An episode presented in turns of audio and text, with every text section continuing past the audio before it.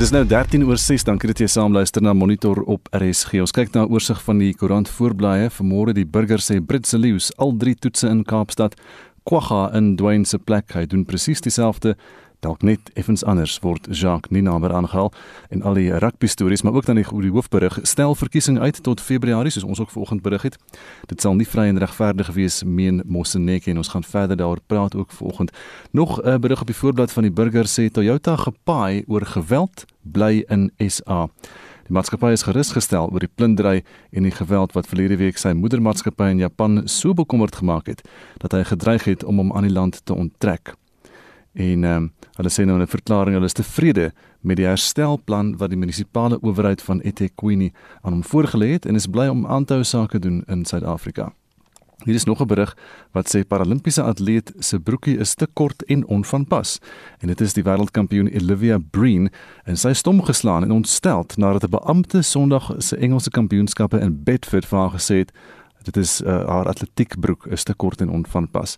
En dit is die Walliser as 'n Paralimpiese bronsmedalje wenner in die T35 38 4x100 meter aflos in 2012 wat dan nou so behandel is. Die voorblad van 'n beeld vanmôre sê reg vir die koue.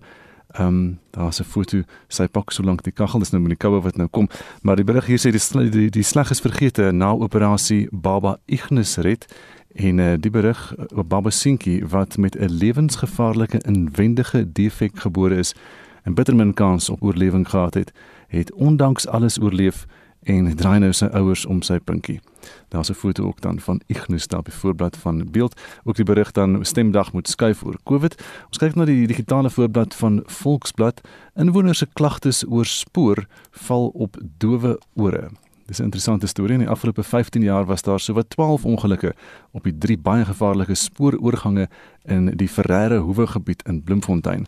Die mense daar kla lank daaroor, maar dit val op dowe ore. En die berig dan daar met die foto van die lokomotief wat daar staan in die karre wat so raak gery word deur die treine. Ehm um, die berig op die voorblad van Volksblad vanoggend. Business Day se voorblad, nuwe uh, welsynstoelaag is op die tafel. Die vraag is hoeveel en hulle al vir Cyril Ramaphosa aan wat met die sake sektor vergader het gister. Uh, ons sal sake help om te herbou sê Cyril Ramaphosa. Internasionale nuus vinnig bbc.com hier duisende is ontruim uh, na dodelike oorstromings nou in China. Ons het laasweek Europa gesien, nou is dit in China rekordreënval uh, en meer as 12 mense is dood in Jingzhou in China.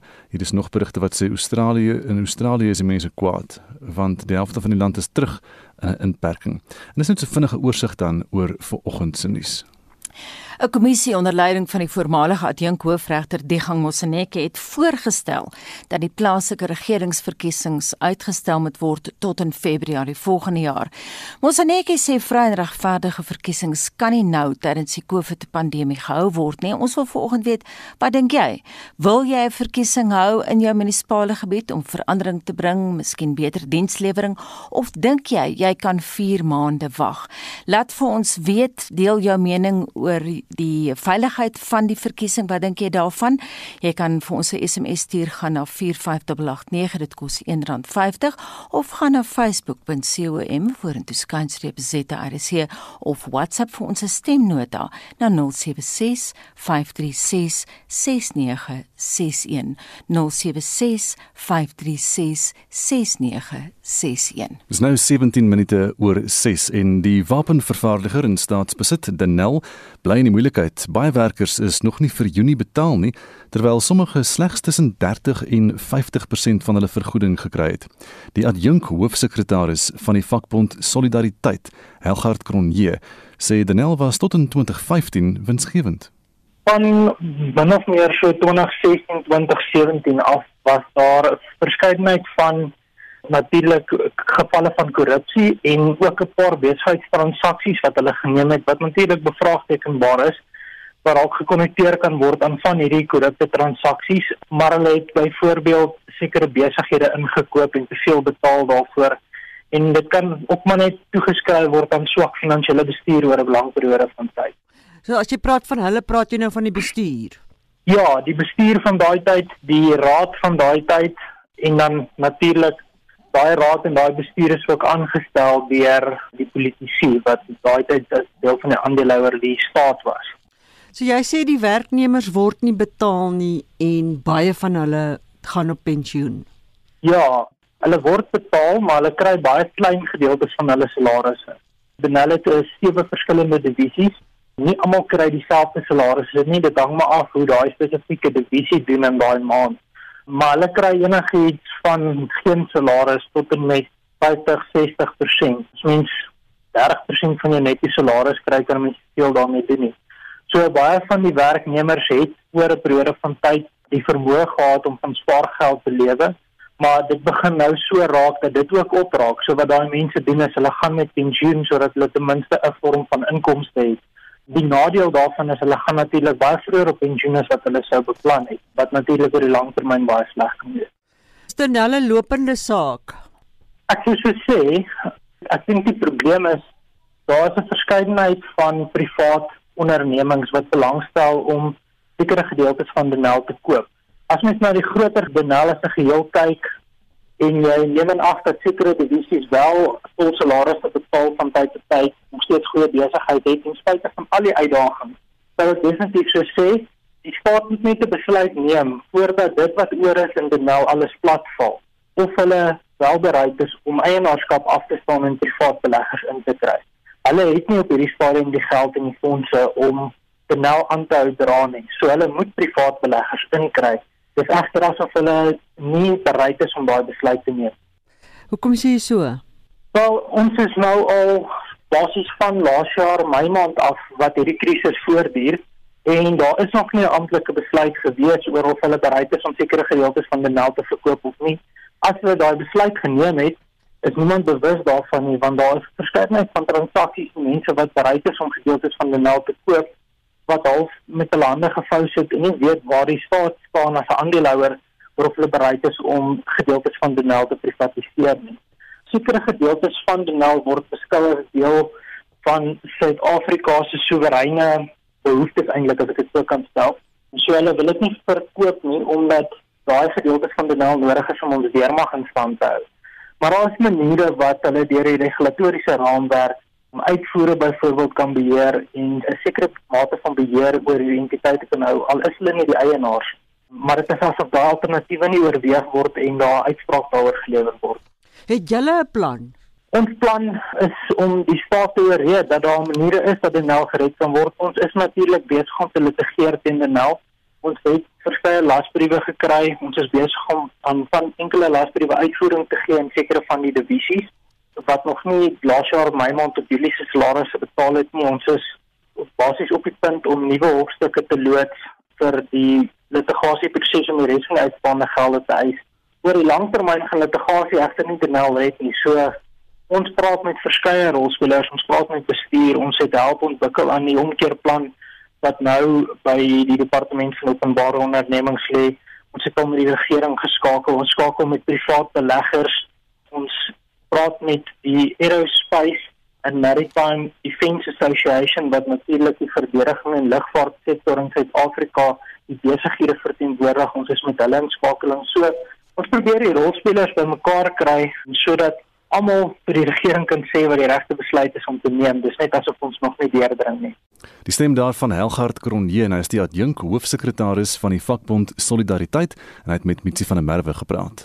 Die voormalige hoof operasionele of liewer die operasionele hoof van Life Isidimeni, Dr Morgan Makatswa, sê die instelling en die Gautengse departement van gesondheid was verantwoordelik om pasiënte met geestesgesondheidsprobleme se menswaardigheid te verseker toe hulle verskuif is na nie-regeringsorganisasies. Minstens 144 mense is dood tussen Maart en Desember van 2016 toe hulle na privaat fasiliteite gestuur is, hoofsaaklik weens honger en verwaarlosing. Woonop word baie pasiënte steeds vermis. Madeleine Forsie het die besonderhede. Mkachwa het gister by die ondersoek na die voorval getuig dat die departement groot druk op hulle toegepas het om die pasiënte te verskuif. Soveel so dat ID-dokumente, medikasie en persoonlike besittings in die gejaag agtergebly het. Did it put pressure on the staff? Yes, the time frames did put pressure on the staff. Was it haphazard? Yes, it was haphazard because one, we did not know where the users were going to. We were we were the point of call between the users and the families. So when families came to us and we did not know where the users went to, that definitely is haphazard. Did we have control of what happened in transit from the Life SCD Many facility to the NGO? Absolutely zero. So that was haphazard. Familielede kon dus nie hul geliefdes opspoor nie omdat hulle die fasiliteit sonder enige rekords verlaat het. Nie regeringsorganisasies het ook hulle hande vol gehad om pasiënte sonder dokumente te behandel. Mkachwa sê die departement en die SDMNI span moes seker maak dat die oorplasings korrek hanteer is.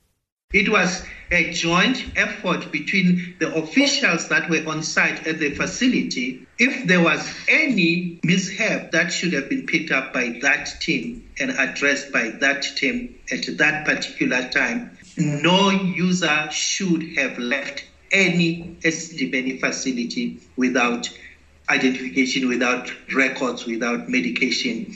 That is totally unacceptable.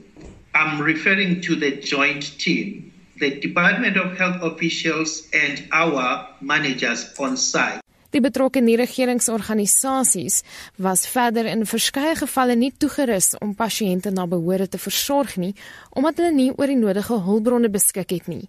Dit kon volgens Mkatshwa vir my word indien die departement aggeslaan het op hul raad. It is clearly articulated in the fact that we wanted to be part of the accreditation so that we could understand where our mental health care users were going so we could help the department to match the healthcare user to the appropriate facility within the NGO environment. We kept on warning the officials, particularly the mental health directorate headed by Dr. Manamela. Dit was die voormalige operasionele direkteur van Life Esidimeni, Dr. Morgan Mkachwa. Hy het agter die feit dat pasiënte nie hulle leers ontvang het nie verdedig en gesê die ontslagvorms wat verskaf is was voldoende. Hy sê die departement is meer as welkom om toegang daartoe te kry. Die verslag deur Pumzile Mlangeni, eksmalina Forsie vir SAK nuus. 26 oor 6 by Monitor op RSG nou die ANC parlementslid Richard Jantjie is eenparig verkies as die voorsitter van die ad hoc komitee wat ondersoek gaan doen oor die openbare beskermer Busisiwe Mqwebane se geskiktheid om haar amp te beklee.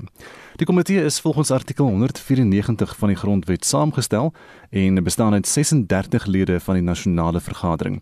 Hulle is van alle politieke partye en sal gelyke stemreg hê, Mitsi van der Merwe berig. Die saak sloer lank reeds, maar uiteindelik sal die komitee ondersoek en bepaal of Posisiwe Mqwebani geskik is om die pos van openbare beskermer te beklee. Van die 36 lede is 19 uit die ANC, 4 van die DA, 2 van die EFF, terwyl al die ander politieke partye een lid verteenwoordig. Die klagtes teen Mqwebani is wangedrag en onbekwaamheid. Jankie het lede gewaarsku dat hulle werk is om besluite te neem gebaseer op feite. Let the outcome be the undisputed product of adherence to facts. There are no predetermined outcomes. We are not assembled and coming here with outcomes in any of our briefcases. We've got to engage in this process and be honest on the evidence in front of us. This is a constitutional inquiry, not a judicial inquiry. Ours is an exercise on accountability. Hy sê die komitee sal volgende week sy vergadering hou om die fynere besonderhede van die ondersoek te bepaal. We are immediately going to move with speed but without rush. Further delays are not good for the integrity of this process. It will also not be in the best interest of the office of the public protector South Africa for us to delay any further this process. Maar die soekers van die DA sê gegee die afgelope gebeure, is dit belangrik om openbare vertroue te herstel. And the, the responsibilities on each of us as we participate in this process and as you have outlaid to set a very high standard in how we apply ourselves and to contribute to rebuilding the integrity and trust that the public has in our institutions. Nokuzula Tolashi van die ANC die party se verbintenis tot die werk wat voorlê uitgespreek. As ANC, we put our trust in this committee as it is. It's not the first time we have this kind of committees. We must have differences because for us we'll be able to find each other. It should not be icawe mhlanga We must have serious differences so that we agree to disagree to an extent we'll be able to emerge united as this committee. Dr Corneil Mulder van die Vryheidsfront Plus sê sy party neem deel aan die proses met 'n oop gemoed. We are dealing with serious matters here and I would like to say from the Freedom Front Plus's point of view that I agree that we should absolutely follow a due process. We should follow the evidence and the facts.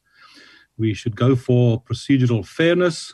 We should always remember the Audi Alteram Partem rule and we should also take rationality into consideration throughout. Zandile Majosi van die IFP het lede aangespoor om te vergeet van partylojaliteite en regverdigheid as basis te gebruik. Die EFF president Julius Malema het verseker om sy teenwoordigheid duidelik te maak, maar het gesê die komitee is besig met 'n visvang kompetisie. Verlede maand het Mqwebani probeer om die parlementêre ondersoek in die Hooggeregshof in Kaapstad te stop. Die uitspraak moet nog gelewer word. Joseph Musia het hierdie verslag saamgestel. Mitsi van der Merwe, SAK nuus. Jy luister na Monitor elke weekoggend tussen 6 en 8. Dis half 7 en in die nuus daar is 'n tekort aan hospitaalbeddens by privaat hospitale in Limpopo weens die derde vlaag van COVID-19 infeksies. Die spreker van die nasionale vergadering, Tandi Modise, glo dat dit nie in die stadium nodig is om die parlement byeen te roep om die geweld en onrus in KZN en Gauteng te bespreek nie. En COVID-19 sterftes het in die afgelope 24 uur siklus meer as verdubbel met 596 mense wat aan virusverwante oorsake dood is. Bly ingeskakel.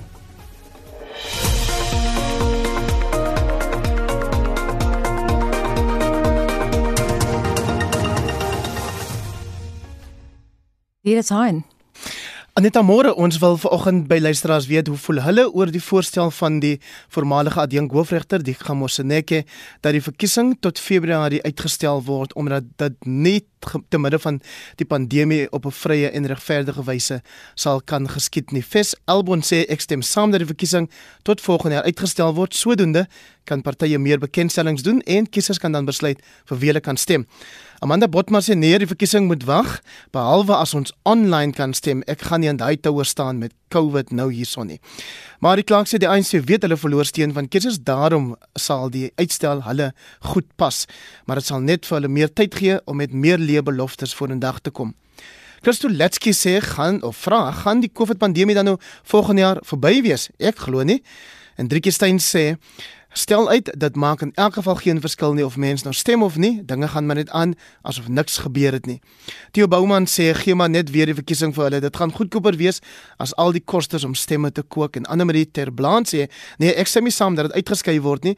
Dit moet plaasvind soos wat dit beplan is, want het, wat nou vars in ons almal se geheue is, is juist daai geweld in KwaZulu-Natal en Gauteng. Barend van der Merwe sê ja, ek het reeds verneem dat dit uitgestel sal word. En Hein Boshoff sê die mense op die grond gaan dan net nog langer moet wag vir hul lewensomstandighede om te verander. Baie dorpe met geen water toevoer nie, ander is sonder elektrisiteit en ander loop knie diep in die riool. So hou behou die verkiesingsdatum. Johan Besaidnot sê ek is ook nog nie so seker of dit ongevolge die grondwet uitgestel sal kan word nie, maar Rex Bester sê dan soos wat ek die proses verstaan, verwys die OVK die aanbeveling en hul kommentaar saam met 'n aanbeveling na die konstitusionele hof vir afhandeling na goeddinke. Stuur ons se SMS na 45889 teen 150 elk of praat saam op die Monitor en Spectrum op RSG Facebookblad. Anders kan jy vir ons 'n kort stemnota stuur via WhatsApp na 076 536 6961. Dis 076 536 6961.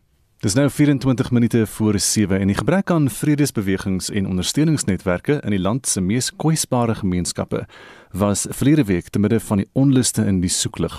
Professor Christie van der Westhuizen, 'n sosioloog by die Sentrum vir Nie-rassigheid en die Bevordering van Demokrasie aan die Nelson Mandela Universiteit meen 'n vakuum is sodoende geskep vir die uitbuiting en opsweep van desperate Suid-Afrikaners. Na die afgelope naweek se opruimingsaksies het Marlene Forsie by haar gaan hoor of die gaping voldoende gevul word.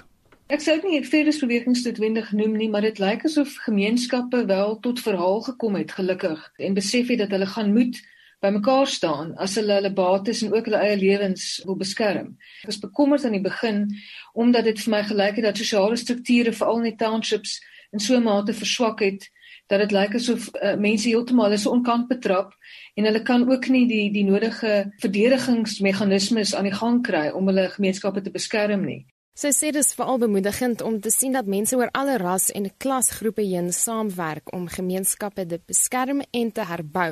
En dat valse aantuigings van rassespanning in die kiem gesmoor is. As ons kyk na Phoenix spesifiek in KwaZulu-Natal, waar daar 'n hoë sterftetal is. Dit lyk asof Phoenix spesifiek geteken is deur hierdie saboteurs en plunderaars en dat daai gemeenskap spesifiek onder baie druk gekom het. Dit is 'n Indiër gemeenskap. En daartoe was daar aantuigings dat daar rassespanning is tussen Phoenix en die nabygeleë swart gemeenskap. Maar wat interessant was van die die plaaslike mense is hulle het gesê nee, dit is hier dis nie rassespanning nie. Wanneer daar opgetree word teen mense, is nie omdat hulle swart is nie, maar omdat hulle kom om die plek te plunder. En dit was my nogal interessant om te sien die verskillende interpretasies.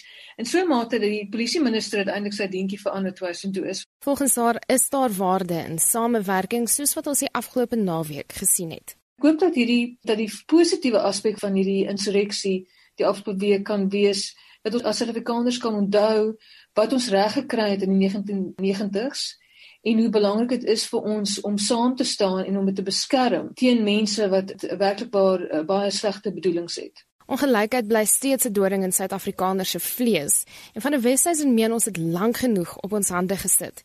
Die gebruik van sosiale kapitaal of terwyl sosiale netwerke word voorgestel as 'n oplossing tot die probleem, maar van 'n Wesduisen meen ongelykheid is ook hier teenwoordig. Baie van wat ons ondervind word was voorkombaar. Van 'n beleidsoogpunt was dit voorkombaar in terme van ingrypings en armoede.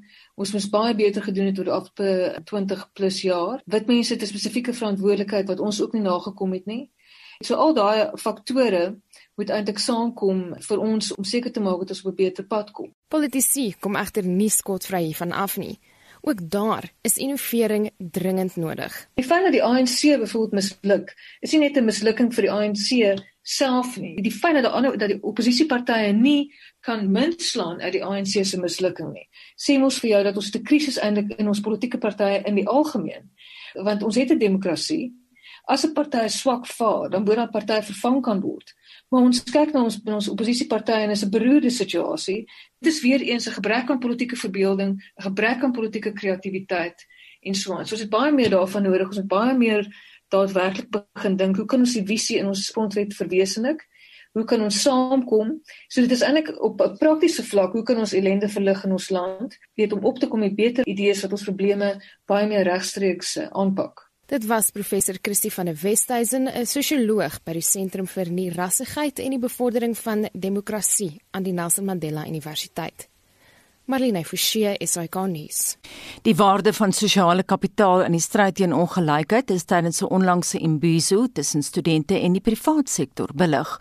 Hoewel nie almal glo dat sosiale kapitaal die antwoord is nie, dink die bestuurshoof van die studente befondsingsplatform Phoenix, Liana de Beer, dat dit tog 'n verskil kan maak verwys na die interne sosiale samehang van 'n groepering of 'n gemeenskap. Ekonomies kyk dit na 'n gemeenskap of 'n individuele persoon se netwerk of infrastruktuur binne daai gemeenskap en meer so na jou vermoë om veerkragtig te wees as gevolg van die gemeenskap en die mense rondom jou.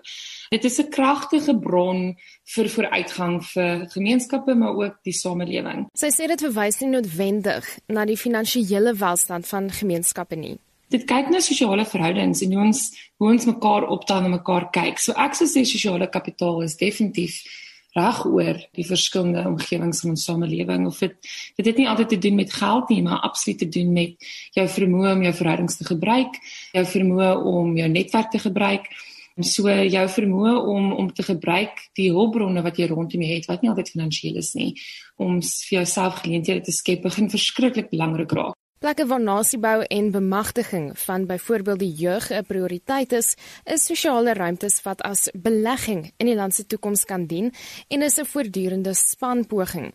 Die beheer gebruik Phoenix as voorbeeld. Die befondingsplatform het in die afgelope 4 jaar sowat 80 miljoen rand ingesamel om leerders wat dit nie kan bekostig nie, die geleentheid op tersiêre opleiding te bied. Werkloosheid en opvoeding is ons almal se verantwoordelikheid en ons almal se probleem as ons dit nie oplos nie. En ons sien dit met Phoenix. Honderde honderde mense het al miljoene rande bygedra en ons is in staat om 2000 jong mense te help om onderrig te kry en dan so ook geleentheid te skep en finansiële mobiliteit vir hulle self te gee en ek dink dit is wat belangrik is. Enigste manier vorentoe is as ons wat mense is saam staan en seker maak ons deel ons hulpbronne en ons vat die land vorentoe. 'n Student in inligtingstelsels en bestuur in Klebi Makahula was deel van die Imbizo. Hy sê veral nou met die pandemie word verskeie gewillige studente uit armer woonbuurte se vuur geblus omdat hulle afgesny is van opbouende netwerke op kampus. The value of relationships we create, connections, the network, the people you meet every day. So that's your social capital. It's easy for you to be exposed to, be, to opportunities. It's easy for people to share what you're doing. For instance, at Rhodes University, we would have soccer tournaments, we would have entertainment events. So you would get these people gathered there already, and then it's easy to just say, hey, there's Phoenix, there's that, there's that, there's that. But now we have to be creative. There's just a lot of restrictions because number one, you have to have data. A practical example is the results of the riots now. There was cleanup that needed to be done. If it was that one businessman cleaning the whole street, it's impossible. It was going to take days. But we joined together. That's what comes out of social capital. Wantroue staan egter dikwels in die pad van diegene wat gewillig is om te help en diegene wat werklik hulp nodig het. Makahula sê die beste manier om doeltreffend betrokke te raak is deur die bou van sosiale verhoudings tussen wie wat het en die wat nie het nie. The mistake some people make is that they want to help students but they don't know how. All they do is here's a million rand. But now corruption involved. We know there's mismanagement of funds and everything. So you can't just throw money without understanding what is what the dynamics of that sector, what are the dynamics of management or IS department at roads. So once you come and observe, then you can come and say, hey, take this money and do one, two, three. If we have more of these conversations with the corporate industry, with the government, um, fortunately, they never hear for these talks, then I think we can understand each other, we can help each other. My ervaring met Phoenix sê de beer daar is nie 'n tekort aan mense wat veral op finansiële vlak geld wil gee om ongelykheid teen te werk nie, solank hulle weet die geld is in betroubare hande. Sy erken egter dat baie mense oor die algemeen moeg is daarvoor om die hele tyd vlamme dood te slaan. Ons lewe in 'n land met baie konflikte, in 'n land met baie diverse probleme, maar ons lewe ook in 'n land met ongelooflike baie geld en verskriklik baie mense het hulpbronne. En ek dink as ons sosiale kapitaal en ons sosiale samehang sterk is, kan ons almal die geleentheid kry om in te tree wanneer dit nodig is en dan ook die geleentheid kry om te rus en net na jouself te kyk en as genoeg mense dit doen dan is die lading nie net op dieselfde skouers die hele tyd en ek dink dit begin belangrik raak. Die probleem is baie baie mense raak nie betrokke nie. Baie mense het opinies en is kwaad en is frustreerd en jy verstaan daai emosies. Maar op die einde van die dag het ons twee keuses. Ons kan of terug staan, ons kan betrokke raak en saam staan en sê die regering doen nie wat hulle moet doen nie. Maar ons as mense op die einde van die dag is is die land. Ons kan die land vorentoe vat en ons sien dit elke dag klein besighede, groot besighede, kerke, gemeenskappe, eh, nuwensgewende organisasies, nie skole. Daar is ongelooflike mense en ons moenie net verby daai stories kyk nie. Dit was die bestuurshoof van die studente befondsingsplatform Phoenix, Liana de Beer. Marlene Forsie is hy gaan nuus. Dis nou so kwart voor 7 by Monitor nou in 'n poging om die regering by te staan met die herstel van die verskaffingsketting. Span verskeie bedrywe saam met die regering om die stand van sake op KwaZulu-Natal se groot paaie te monitor. Een van die platforms waar jy kan help is hier op RSG want tydens ons programme Alu Becker en Spitstyd werk die stasie saam met die Suid-Afrikaanse Vragversendersvereniging om 'n platform te bied wat die polisieering van die paaie betref om probleemareas aan te meld en selfs vir hulp te vra indien dit lyk dan of onluste dreig. En vir meer hieroor gesels ons vanoggend met die vereniging se raadsvoorsitter Dr. Janita Maree. Janita, goeiemôre. Goeiemôre Gustaf, hoe gaan dit? Dit gaan baie goed, dankie. Van waar die behoefte om hierdie inisiatief te begin? Ek dink verlede week was ons almal baie skrikwekkend en um, ons het eers Woensdag regtig tot verhaal gekom. En donderdagmiddag het ons almal bymekaar gekom en die departement van handel en nywerheid het gevra kan ons dalk so groepe mekaar sit om te kyk wat kan ons doen. En ehm um, miskien is dit tyd, kan ek verduidelik die groep het dan bestaan uit die waterkant, die terminaal in die hawe in Durban, dan die vragmotorbestuurders en eienaars op die N3, die netkoor wat die trein verskaffingslyn is en dan het ons ook kyk na beheertoring en hoe kan ons data ontleed om min of meer 'n trend te kry van wat aangaan. So, so dit is min of meer waar dit bestaan het. En hoe gaan dit werk dan? Wat ons doen tans is dit elke middag van 4 tot 5 het ons 'n vergadering en ons probeer inligting kry en die inligting gaan dan na beheertoring wat dit in, in verskillende kategorieë opdeel en dit met die ontleding gaan dan deur na die net joints en na die net jock. So wat wil jy vir die luisteraars vra? Kan enige mens met enige vervoerprobleem inbel? Ja, ek dink eh, ons gaan nou nie sê nee vir verskillende probleme hmm. nie, maar ons wil graag fokus wees in opsigte van die beveiliging ja. van die hawe en die N3. Wat gaan julle doen dan met hierdie inligting wat motoriste en vragmotorbestuurders uh, aanstuur? Ja, dit is voorheen sê ons wil dit konsolideer, dis ons kan sien is daar 'n bepaalde trend. Want jy weet self as die verskepings of kom ons sê die verskaffingslyne nie kan beweeg nie, dan is dit 'n redelike probleem vir ons almal. So dit is wat ons wil doen, die kategorisering doen en dan kan kyk wat se moontlike oplossings in elke kategorie. Maar ons gaan nie lank vat nie want ons is in hierdie krisis nou en ek dink ons moet binne 3 weke die verskaffingslyne ontlont en seker maak dit kan beweeg. Gepraat daarvan hoe lyk die stand van sake op die oomblik? Weet op die pad die N3 en N2 en ook die herstel van die hele verskaffingsketting dan. Ja, die 16 Julie was nie 'n mooi prentjie nie. Ek dink soos jy en jou luisteraars weet, Die 20ste gister was daar regtig verbuisterende resultate by die hawe. Net om vir 'n idee te gee, in 'n 24 uur siklus het hulle 4600 houers hanteer, wat eintlik 'n amazing miracle is of 'n wonderwerk. En daar was 3400 vragmotors wat ehm um, in en uit beweeg het. So hulle het 2400 invoer houers uitgehaal uit die terminaal. En dit beïnvloed weer hoe vinnig die terminaal die houers kan rondskuif sien of van invoer, uitvoer en dan leehouers. So ek dink ons begin redelik lig in die tonnel sien en dit is 'n goeie lig. Hoe erg was die agterstande tydens die onluste die, met die hawe wat toegemaak is, het die skepe in in die see gelê en wag of van hulle maar aangegaan? Ja, ek dink jy sal hoor uh, as die regering praat en vir die regering sê die hawe was oop en dit is reg. Die hawe was oop, die hawe het nooit toegemaak nie maar die hawe het nie gewerk nie want mense was baie bang en hulle was bang om na die hawe te kom.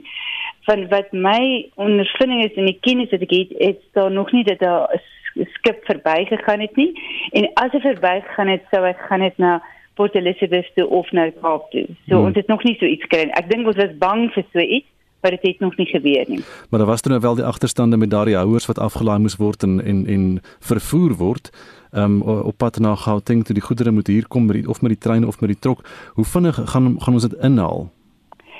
Ons het beplan en ek weet nie of ons beplanning nou 100% akuraat is nie, maar ons beplan so tussen 3 weke voor die supply of die verskaffingslyne weer te stabiliseer. Nie die die nie die vervaardiging nie, hmm. maar die verskaffingslyne. Ja. So 3 weke. Uh, ek dink dit miskien vroeër, maar ek dink dis wat ons probeer om die agterstand in te haal. So ek dink 3 weke. Toe die N3 nou weer oopgemaak is, toe ry 'n klomp vragmotors op die pad. Wat hoor julle van die vragmotorbestuurders? Is hulle weer gemaklik om die pad te gebruik? Ja, ek dink wat ons probleem het is dat um, die vragmotorbestuurders in die eienaars is baie, baie bang om in die nag te ry. En jy weet dit self, die verskaffingslyne werk maar 24 uur. So dit is ons baie belangrik dat hulle in die nag ook ry. So dis kom ons uitgereik het na die polisie en na die sertifikante weermag en hulle het versekerde brandpunte of kom ons sê gevaarzones geïdentifiseer op die N3 en daar is genoegsame patrollering of sigbaarheid wat ons verstaan van die vragmotorbestuurders. So ek dink is maar jy weet dit self die verskepings uh, of die verskaffingslyne werk op vertroue. En as die vertroue begin terugkom dan besluit die mense weet jy wat dis goed ek kan die die risiko vat om my vragmotor op die pad te sit want die vertroue is herstel. So ek dink dit gaan maar 'n tydjie vat om die vertroue te herstel. Joanita baie dankie. Dit was die raadsvoorsitter van die Suid-Afrikaanse Vragversendersvereniging en is Dr. Joanita Marie. Die Suid-Afrikaanse Sitruskwekersvereniging sê die bedryf is aktief besig om agterstande in te haal nadat vervoerroetes deur verlede week se plundertogte ontwrig is. Intussen vra die vereniging dat boere geduldig moet wees met die verpakking van nuwe produkte om 'n bottleneck in die Durbanse hawe te verhoed. Marlenae Forsie doen verslag. Die vereniging se bestuurshoof, Justin Chadwick, sê die grootste probleem is die ontwrigting van die vervoerketting na die Durbanse hawe. Uitvoerprodukte in pakhuise het nie so seer deurgeloop nie, maar moet nou land uit. Hy sê pogings in die verband is prysenswaardig. We must really applaud Transnet port terminals for turning this whole thing around so quickly and getting their staff back in the gangs at the quayside working. In addition, the cold stores, their staff all back working 100%. In fact, we probably haven't seen the Devonport working this well for a while now. Hy skryf die flink hantering van die kwessie daaraan toe dat die hawe nie ernstige skade gelei het wat infrastruktuur betref nie. The army is very much present still around the port area. The army is very present uh, along the N3 corridor, which is vital for for not only our product but also all the food products and all the other things that go up to the reef from Durban.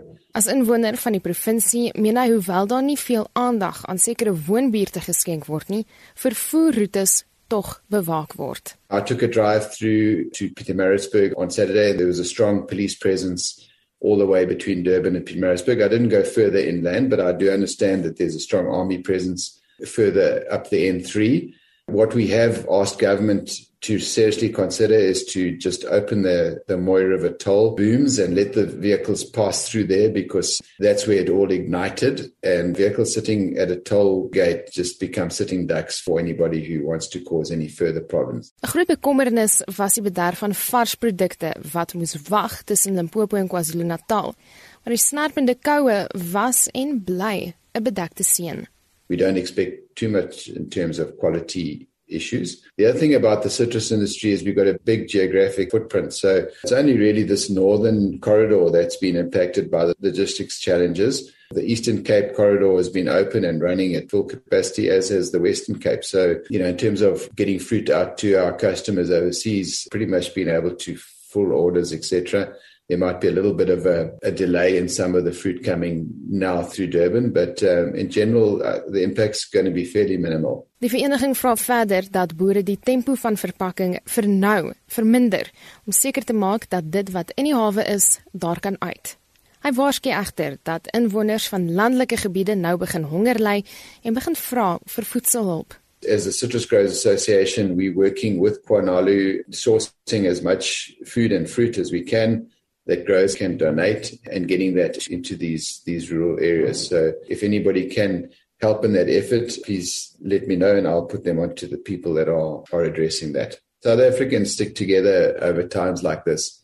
I mustn't just take this as being acceptable. It's totally unacceptable. So we, we decided to distribute some warm meals to the drivers who'd been on the road for seven days and hadn't uh, had a meal. I had a, people coming with 150 hot meals within a, a few hours and we could distribute those to the drivers. So people are fantastic. South Africans, you know, really look after other South Africans. Dit was die bestuurshoof van die Suid-Afrikaanse Sitruskwekers Justin Chadwick.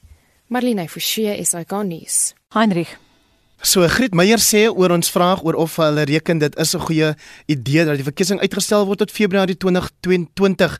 Ons kan 'n hele jaar wag solank dit vry en regverdig is. Is Griet Meyer tevrede daarmee? Op die oomblik is COVID en politiek eerste ter sprake. Alles is onderste bo en agterste voor. Nico Olivier sê die uitstel besigheid, die is 'n suiwer ANC besluit. En dan Wimpie de, de Pre wat sê op hierdie stadium stem ek saam. Kom ons kry eers 'n mate van balans in ons land. 4 maande gaan nie 'n verskil maak aan die chaotiese munisipaliteite nie.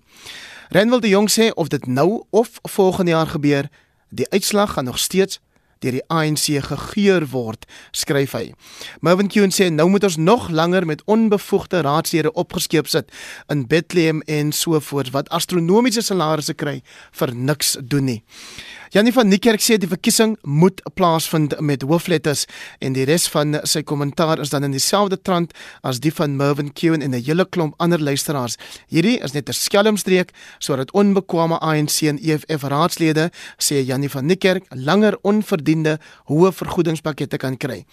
Indien die verkiesing nie plaasvind binne die voorgeskrewe tyd nie, moet raadslede hulle vergoedingspakkette verbeur vanaf die datum wat die verkiesing sou plaasvind tot wanneer dit wel gebeur. En ons weet, die verkiesing is tans nog geskeduleer vir 27 Oktober. Gwyneth Holshausen sê vrye en regverdige verkiesings kan nie tydens COVID-19 pandemie gehou word nie. Dis nou 'n goeie verskoning om te gebruik terwyl hulle probeer red wat daar te redde is want almal, die buiteland ingesluit, het hulle dis nou die ANC se onbevoegdheid raak gesien om hulle eie mense in toom te hou na verlede week se plundering. Shamaine Peacock sê en weet nogal gesê dat die virus teen daai tyd, dis nou Februarie 2022, uitgewoed is. Nee, wat hulle speel net vir tyd. Wie se tyd sal ons seker nog uitvind. Chris de Beer het twee woorde, hy sê stel uit. Kevin Asia sê hulle belieg en bedrieg alweer. En dan Mervin Malgas wat sê net soos die Olimpiese spele wat tans in Tokio plaasvind en die Britse en Ierse Leo Tour hier na Suid-Afrika nooit moes gebeur het nie, kan die verkiesing onmoontlik gehou word.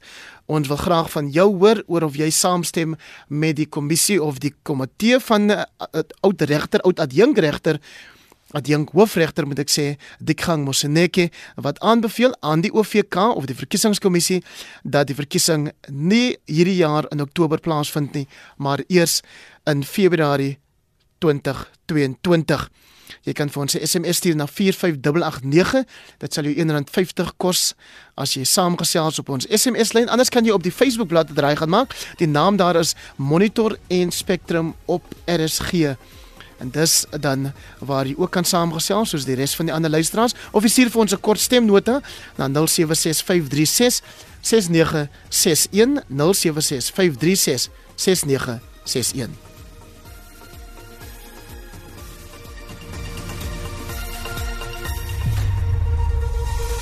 SAK nuus onafhanklik onpartydig